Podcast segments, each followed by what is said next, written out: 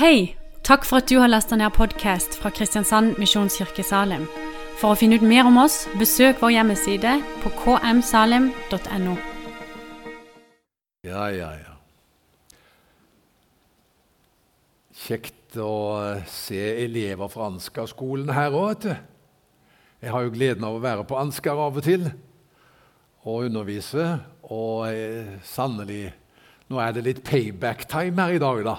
Kommer dere tilbake til Salem og er med og leder oss i lovsang. Det var flott. Ellers er det fint å se dere alle sammen. God formiddag. Har vi det bra? Ja, det, det ser sånn ut. Dere ser riktig så godt ut herfra. Det må jeg si.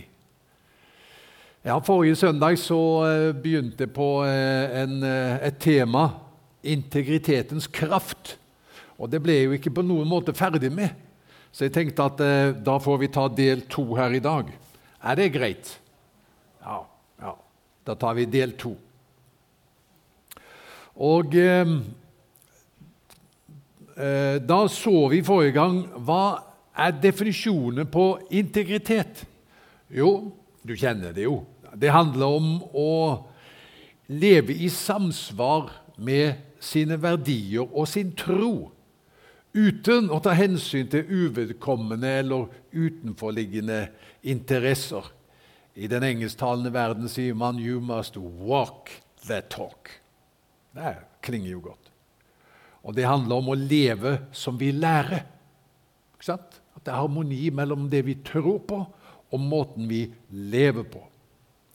Det innebærer også at eh, vi gir alle deler av livet samme oppmerksomhet.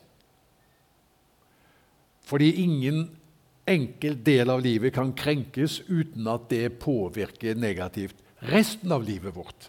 Så sånn er det. Men hvordan skal vi da leve et liv i integritet? Ja, Forrige søndag starta vi i Efeserbrevet, som åpner døra nettopp til et liv i integritet for oss. Og Efeserbrevet har tre kjerneord. Det lærte jeg eh, gjennom en liten bok av en kristenleder fra Kina som heter Watchman Nee. Og de tre kjerneordene er 'sitte', 'vandre' og 'stå'. Kanskje har du lest den boka du òg. Sitte, vandre, stå. Og Forrige gang så, så vi på dette første nøkkelbegrepet, da, eller kjerneordet fra Efeserbrevet, og det var 'sitte'. Og Det er egentlig overskriften over de tre første kapitlene det, i eh, Efeserbrevet. Og vi så Nå er det bare et lite resymé for de av dere som ikke var her forrige søndag. Vi så at eh, siden Adam ble skapt på den siste av de seks dagene i skapelseshistorien, så ble den første dagen hans på jorda den syvende dagen, selvsagt, og det var hviledagen. Så Adam begynner livet på jorden med å hvile med Gud og glede seg over skaperverket, det som Gud har gjort. Og Når vi leser Efeserbrevet, så forstår vi at kristenlivet begynner på samme måte. Det begynner med hvile og å glede seg over det Gud har gjort. Efeserbrevet 2,6.: I Kristus Jesus har Han reist oss opp fra døden sammen med ham og satt oss i himmelen med ham. Jesus sitter i himmelen fordi han har fullført frelsesverket. Og vi sitter med ham fordi vi får hvile i det han har gjort. Ikke sant? Kristendommens første ord er derfor 'hvil'. Det er jo flott. Det er veldig annerledes enn andre religioner. Vi kan egentlig samle alle verdens religioner i to sekker. Og den en, I den ene sekken kan vi putte samtlige religioner uten kristendommen. Og på den sekken kan vi henge merkelappen 'gjøre'. Og så er det den andre sekken, som, der det bare er kristendommen som, som gjør seg fortjent å være, og der er merkelappen 'gjort'. Sånn? Gjøre eller gjort. Og Kristus har fullført frelsesverket, og han har satt seg i himmelen, og vi får hvile i det han har gjort.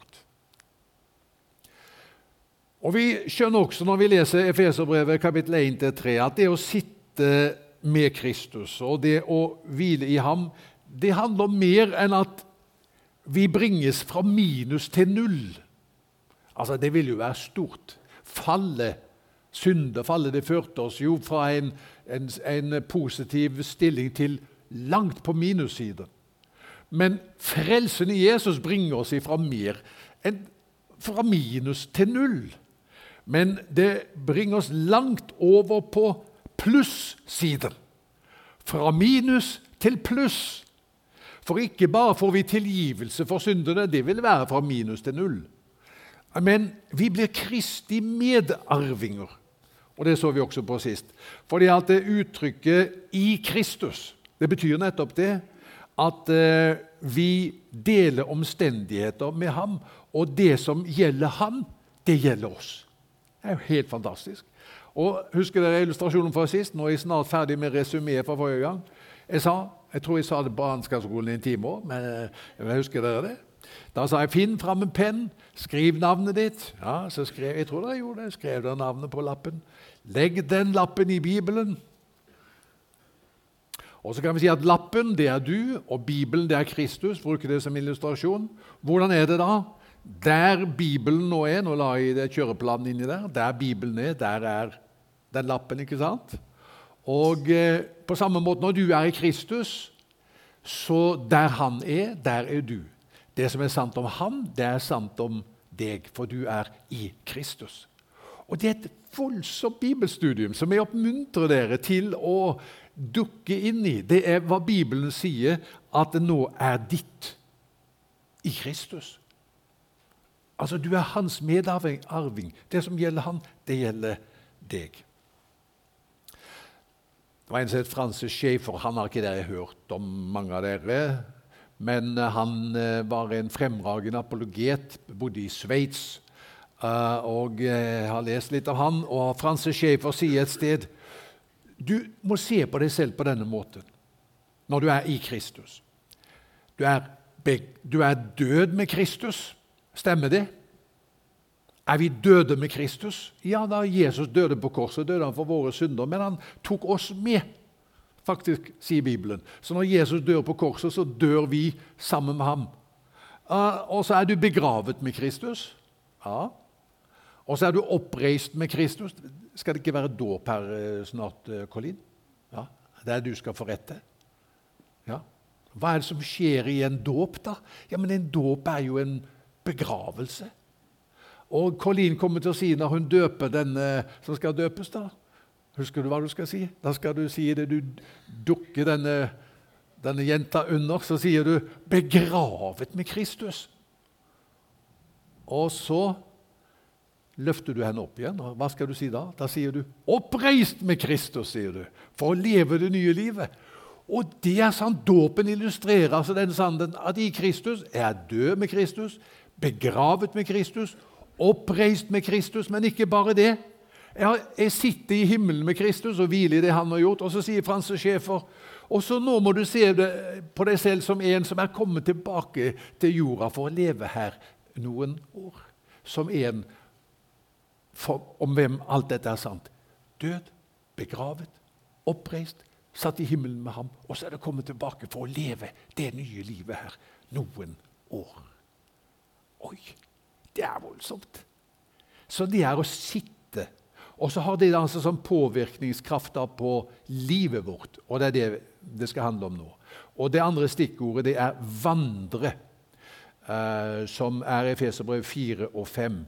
Og da kan vi lese, og liksom, Her er det liksom et nytt tema som Paulus tar opp. Først var dette å hvile i det Jesus har gjort, og så er det hvordan dette påvirker livet og hverdagen vår. Efeserbrev 4.1. Så formaner jeg dere, jeg som er fange for Herrens skyld, at dere lever et liv, vandrer, står det i andre oversettelser. Eh, lever et liv som er verdig det kallet dere har fått. Dere har fått et kall. Dere har fått en invitasjon til å være i Kristus og dele den rikdommen han har. Og da handler det om å leve et liv som avspeiler dette. På 1700-tallet levde det en eh, teolog og filosof som het Friedrich Schleiermacher. Har du hørt om han? Det hørtes tysk ut, gjorde det ikke det? Schleiermacher. Det er tysk òg, så det er helt korrekt. Han hør, definerte religion som en indre følelse. Han sa du kan ha Gud som en indre følelse, men i det ytre livet være tilpasset omstendighetene. Det er ganske oppsiktsvekkende. Troen har det bare som en indre følelse. Og det ytre livet, hverdagen din, det, det tilpasser du den kulturen og det samfunnet du er en del av. Etterdønningene etter den tenkningen, Friedrich Schleiermacher sin tenkning, kan merkes fortsatt. For det har slått inn en kile mellom tro og livsførsel, som om det ikke henger sammen. Derfor sier Magnus Malm et sted Han kan være ganske frisk når han, når han uh, uttaler seg. Han sier et sted Når han ser utover kristenlandskapet, så sier han For mange er troen bare kakepynten på et sekulært liv. Oi Kakepynten på et sekulært liv. Det ville være utenkelig, sier Paulus. Tro handler ikke om å tilpasse Gud til livet, men om å tilpasse livet til Gud. Enig? En side ved Gud er at han er full av herlighet. Igjen og igjen så ser vi det. Når Gud beskrives, så beskrives han som en Gud som er full av herlighet. Herlighet, hva betyr det egentlig? Lærte vi det på Ansgar, hva herlighet betyr? Nei. Herlighet det betyr egentlig stråleglans. Det hebraiske ordet for herlighet det er kabod. Og det, det, er, eh, det, har et poeng som er veldig eh, viktig å ta med seg. Det betyr tyngde. Gud er full av herlighet. Det betyr han har en tyngde med seg. Du vet, Om en fjær treffer vannflaten, da skjer det ikke mye. Hvis en fjær treffer vannflaten? Nei, det skjer vel ingenting. Alt er som før, for vann er tyngre enn fjær. Men om en stein treffer vannflaten, da må vannet vike for steinen. Det blir bølger og ringer i vannet. Hvorfor det? Jo, for stein er jo tyngre enn vann. Og så sier altså Bibelen at Gud er full av herlighet. Full av tyngde.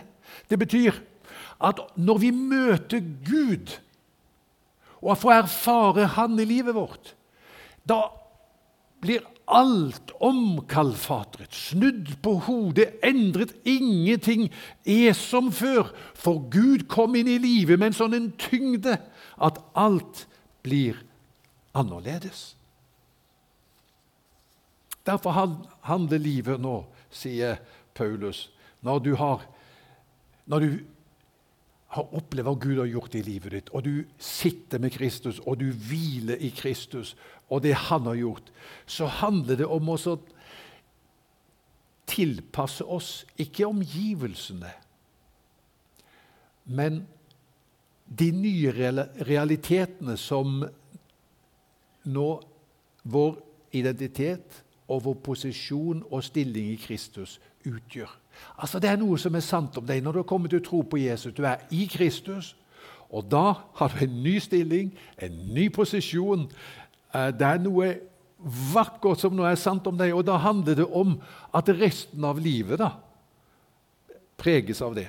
Hør, han argumenterer veldig godt for dette i Efeserbrevet, eh, kapittel 4, f.eks. vers 32.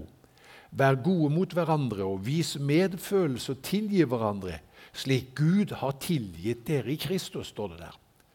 Altså tar du resonnementet. Han sier 'Gud har tilgitt dere'. Ok, hva betyr det?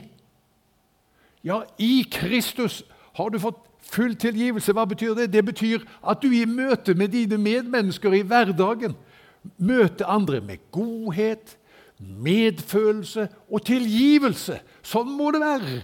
For du har jo møtt Gud som kom inn i livet ditt med en sånn tyngde. Full av tilgivelse.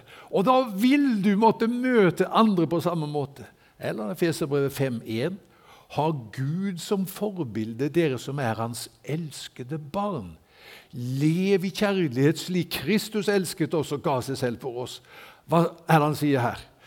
Det som er sant om deg nå, når du er i Kristus, det er at du er Guds elskede barn, at Kristus elsket deg og ga seg selv for deg. Hva betyr det? Lev i kjærlighet. Det kan ikke være annerledes. Da tar du dette med deg ut i alle dine relasjoner, og så møter du andre mennesker med den kjærlighet du selv får lov å være en mottaker av. Og så Efeserbrev 5,8, bare så du får det veldig klart at det, sånn er det han argumenterer. Der sier han en gang var dere selv mørke, men nå i Herren er dere lys. Lev da som lysets barn. Ser du det igjen? Nå er du lys. Du har opplevd Guds godhet, du har opplevd Guds glede, du har opplevd Guds sannhet. Det er det lys betyr. Lev da som lysets barn. Ta dette med deg ut i hverdagen. Din nye identitet, din nye stilling, det som nå er sant om deg. Nå tar du dette med deg ut. Det er integritet. Da henger tro og livsførsel sammen. Ser du det? Og så sier Paulus det må du gjøre på alle livsområder.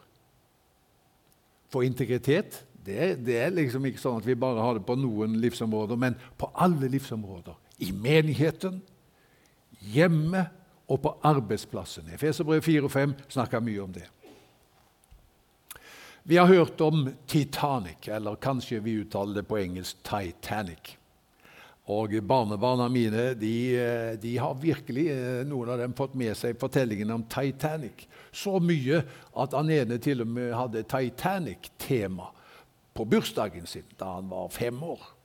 Og eh, morfar laget Titanic. Så det, det, faktisk talt, det var en hel jobb det å lage Titanic. Men det ble ikke så verst heller. Kan vise deg bilder etterpå hvis du er interessert. Hvordan Titanic skulle ha sett ut hvis den hadde sett ut sånn som morfar tenkte den skulle se ut.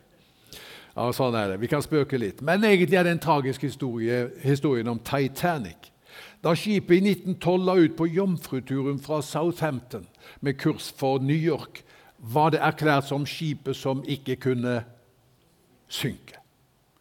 Hvorfor det? De hadde tatt i bruk ny teknologi. Skroget var delt inn i 16 seksjoner, 16 vanntette skott.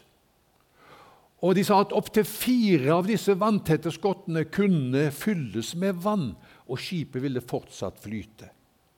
Men 15. april 1912 sank det likevel etter en kollisjon med et isfjell. Og kanskje, Man er visst litt usikker på hvor mange som egentlig omkom, men kanskje omkom det så mange som 1513 mennesker.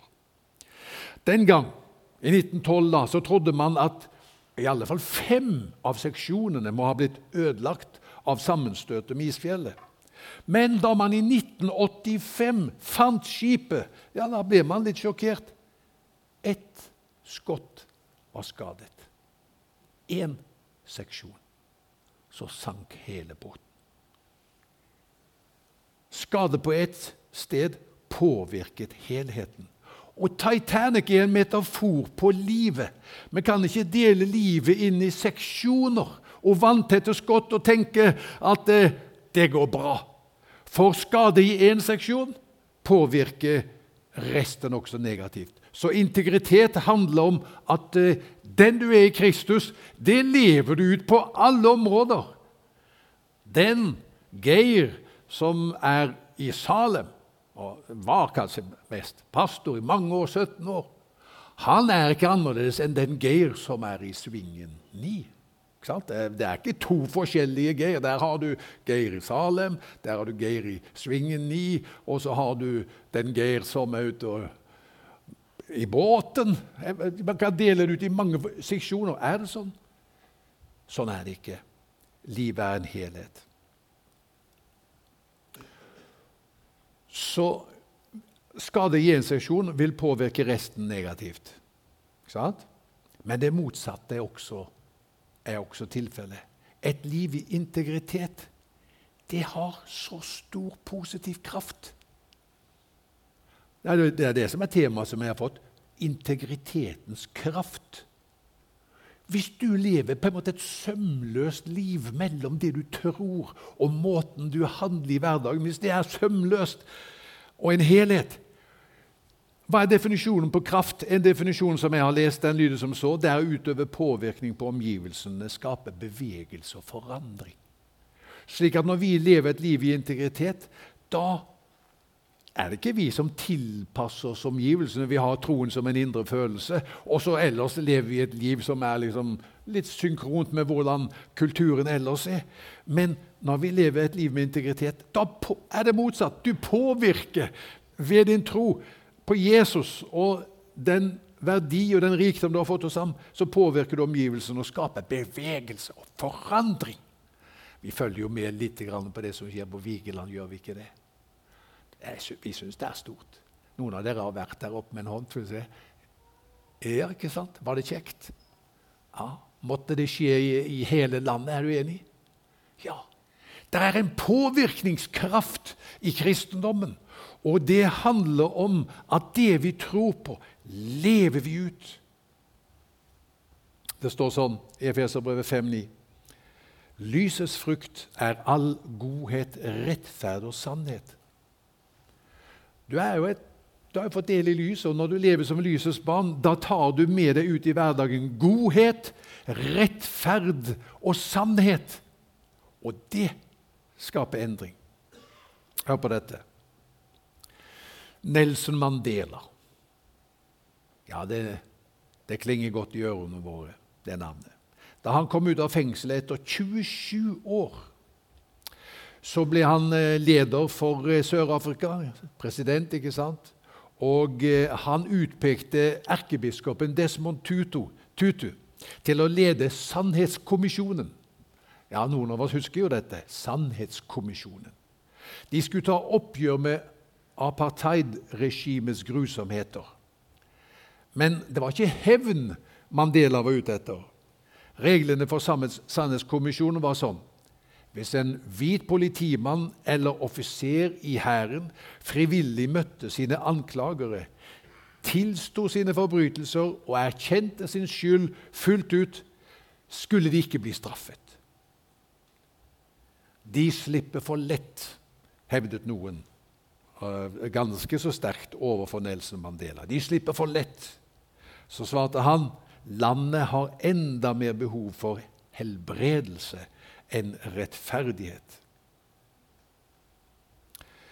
I to og et halvt år pågikk høringene. Og skal du høre, Ved en sånn høring, eller rettssak da i gåseøyne kanskje, så fortalte en politimann at han hadde drept en 18 år gammel gutt og brent liket. Åtte år senere, innrømmet han, så hadde han kommet tilbake og denne gangen bundet mannen i huset til en påle. Og mens kona ble tvunget til å se på, hadde han helt bensin på ham, tent på og brent ham til døde. Det ble stille i rettssalen da dommeren spurte enken hva ønsker du av politimannen. Så svarer hun jeg ønsker at han skal dra til stedet der mannen min ble brent i hjel, samle støvet og gi ham en verdig begravelse. Politimannen nikket. Han var enig i det. Det var, det var, bare rett og riktig at han skulle gjøre det. Men så sa hun, 'Men jeg har ett ønske til.' Du tok familien min fra meg, men jeg har fremdeles mye kjærlighet å gi. Jeg vil at du to ganger i måneden skal eh, komme til meg i gettoen der jeg bor, og være hos meg, så jeg kan være en mor for deg. Jeg vil at du skal vite at du er tilgitt av Gud, og at jeg også tilgir deg. Jeg vil gjerne omfavne deg, så du vet at tilgivelsen min er ekte. Helt spontant begynner forsamlingen å synge 'Amazing Grace'. Det hørte ikke politimannen. Han hadde besvimt, helt overveldet av denne kvinnens nåde. Det var hva Sør-Afrika trengte. Det var ikke hevn, det var ikke rettferdighet heller. Hva var det som de fikk del i? Det var nåde. Og eh, Paulus sier at det er lysets frukt Du er et lysets barn. Og når du tar med deg det ut i hverdagen, så handler det om godhet, rettferd og sannhet. Og når du tar det med deg ut, så skjer det noe godt. Det er det verden trenger. Ja, men verden er stor. Du har hørt om motløshetens tre trosartikler. Jeg tror jeg har nevnt det før her. Motløshetens tre trosartikler. Kan du det? Det er ikke farlig. Jeg håper du aldri lærer dem, Colin. Men det er sånn. Én verden er så stor. To jeg er så liten. Tre det nytter ikke. Klart, Der har du det. Men når vi leser hva Paulus sier, så sier han du kan bety en forskjell. Det passer egentlig å sitere mor Teresa her også. Hun sa en gang Vær ikke opphengt i tall. Bry deg om ett menneske om gangen, og begynn med den personen som er nærmest deg. De er det visdom i. Det er et gullkorn. Ikke tenk at du skal bety så mye for så mange, da. men begynn med ett menneske, aller helst den som er nærmest deg, sier hun. Og det er det Paulus sier også. Når han lister opp hva betyr det da å leve et liv i integritet, hvor begynner man, hvordan opptrer man, hvor starter man, da sier han begynn med den som er nærmest deg. Hvem er det, da? Ja, er du gift, sier han. Da begynner du med ektefellen din. La ektefellen din få lov å merke at du er i Kristus. Og at du har fått del i Guds kjærlighetshav, og at du trenger noen å overøse kjærlighet med. La ektefellen din få merke det. Han sier jo det i Efeserbrevet um, uh, Underordne dere under hverandre, eller vær hverandre underordnet. Og det handler om hjem og familie. Jeg husker jeg hadde en vielse for mange år siden, og så hadde vi en vigselsamtale på forhånd, og så sier faktisk bruden med tårer i øynene Geir, jeg håper at ikke du snakker noe om underordning. Og Jeg hadde aldri hørt noen liksom si det. Det, hørtes det galt ut? Ja, for all del ikke si noe om underordning, sa han. Nei, nei, jeg sa ikke noe om underordning. Men er det galt? Er det slitsomt? Hva vil det si å være gifta? Underordne dere under hverandre. I 1. Korinterbrev eh, kapittel 7 sier Paulus veldig tydelig hva det er å, å være gift. Han sier til mannen han, eh, han, sier til kvinnen først, tror jeg Den gifte kvinne har omsorg for sin mann, hvordan hun kan være ham til laks. Sånn er det å være gift. Tenker på å være gift. Den gifte kvinne omsorg for sin mann, hvordan hun kan være ham til laks. Og så står det om mannen. Hvordan, hva står det om han, da? Det er vel kvinnen som skal underordne seg, ikke det? Og mannen, han han skal, han skal vel skal han det? står det om mannen. Den gifte mann har omsorg for sin kvinne, hvordan han kan være henne til laks. Vær hverandre underordnet. Løft hverandre opp. Det er et liv i integritet. Det merkes hjemme. Si det til hverandre, at dere er glad i hverandre. Jeg vet om et ektepar. De sa til hverandre hver dag 'Jeg elsker deg'. Kanskje var det sånn at de til og med sa det høytidelig, liksom, med navnsnevnelse. 'Jeg elsker deg'. Og så var det denne damen da som forteller at uh, at uh, en morgen så hadde hun glemt å si det. Og hun tenkte nå er han på jobb.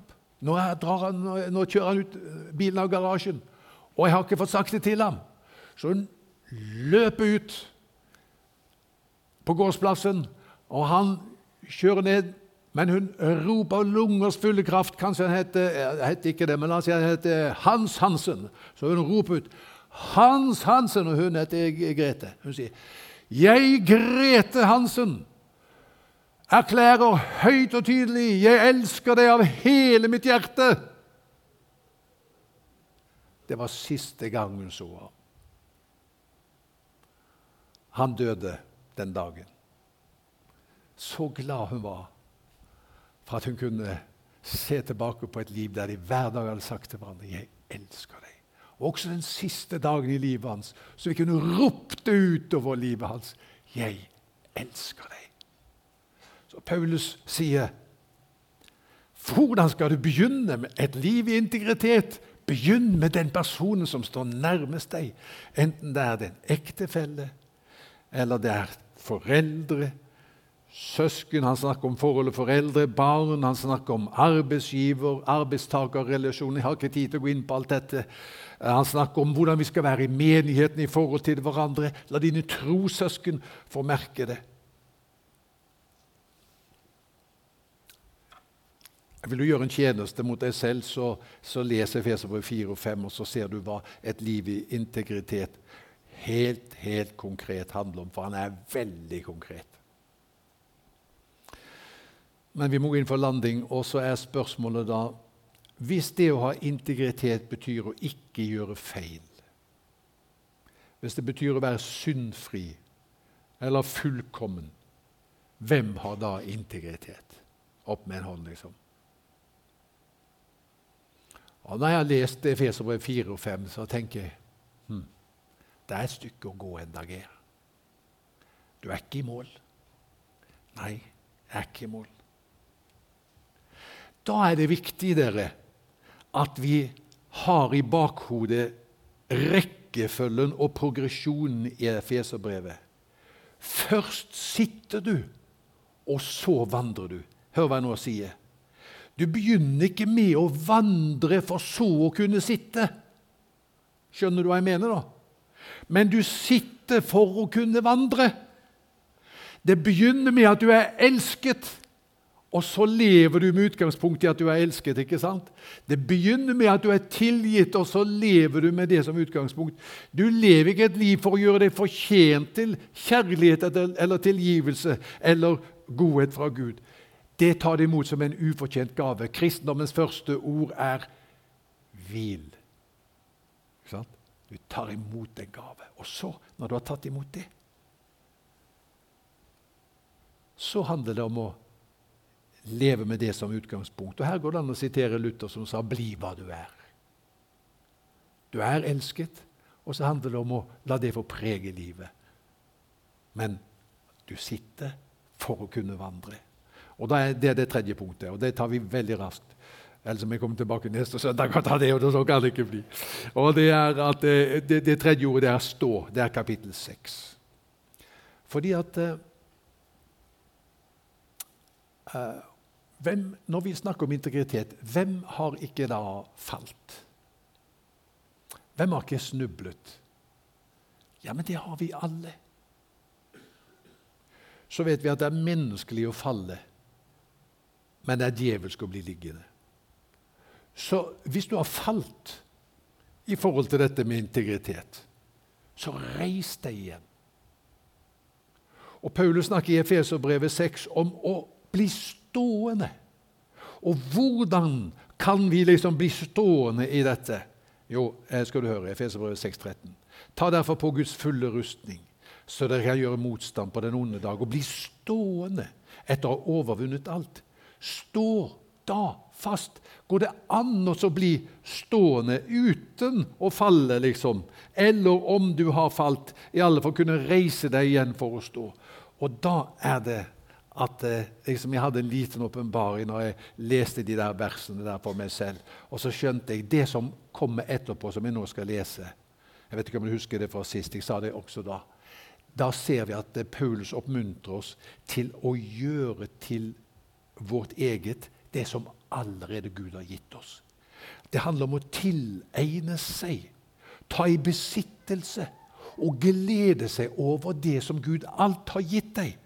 Da kan du stå. For han sier Du må ta på deg Guds fulle rustning. Hvordan gjør du det? Spenn sannhetens belte om livet. Hva er sant om deg? Du er elsket. Du er tilgitt. Du får hvile i det Jesus har gjort. Ok, Pass på det at du har sannhetens belte om livet. Da Da tar du dette liksom, og Du internaliserer det, og dette er ditt du vet om det selv. Jeg er elsket. Jeg er tilgitt. Jeg er under en åpen himmel. Så sier han videre.: Ta på deg rettferdighetens brynje, gjør det til ditt. Budskap om rettferdiggjørelse ved tro. Gjør det til ditt. Gud har avsagt følgende kjennelse over ditt liv. Denne hun er fri. Ikke sant? Det er rettferdiggjørelse betyr. Så har du fredens evangelium som sko på føttene. Ja, men det er jo, det er jo de gode nyhetene om Fred det er jo dette at alt er i orden mellom deg og Gud. Så tar du det på. Og troens hjelm, frelsens hjelm, åndens sverd som er Guds ord. Altså Dette er evangeliet. Når du tilegner deg evangeliet, gjør det til ditt. Da kan du bli stående. Ja, Kanskje snublet du, kanskje falt du. Ja, men du reiser deg igjen. Og så blir du stående. Og så blir du ikke syndfri på denne siden av himmelen. Men når du når du følger den der oppskriften, der, så kan du, om du ikke er syndfri, så kan du bli syndfriere. Det går an. Nei, Geir Johannessen er ikke syndfri, men han strekker seg etter å bli syndfriere. Hvordan blir man det? Sitte, vandre, stå. Og du står ved å gjøre til ditt det som Bibelen sier allerede er ditt Det er sant om deg. La oss be. Herre Jesus, vi takker deg for uh, evangeliet. Vi takker deg for at vi får lov å hvile i det. Og så takker vi deg, Herre, for at uh, vi skal få lov ikke bare være mottakere, men vi skal også få lov å gi videre det livet, den rikdommen vi har fått hos deg.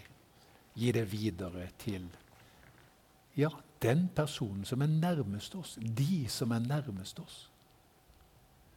Og vi ber Herre at de skal få lov å merke det i dag. At eh, vi er i Kristus. Og vi er hans medarvinger og har fått del i en åpen himmel og Guds rikdom. Takk, Herre, for din godhet mot oss. Vi ber for hver enkelt som er under dette tak i formiddag, ung og gammel. Vi ber at vi skal få leve i din nåde og velsignelse og gi, kunne gi det videre til andre. Amen.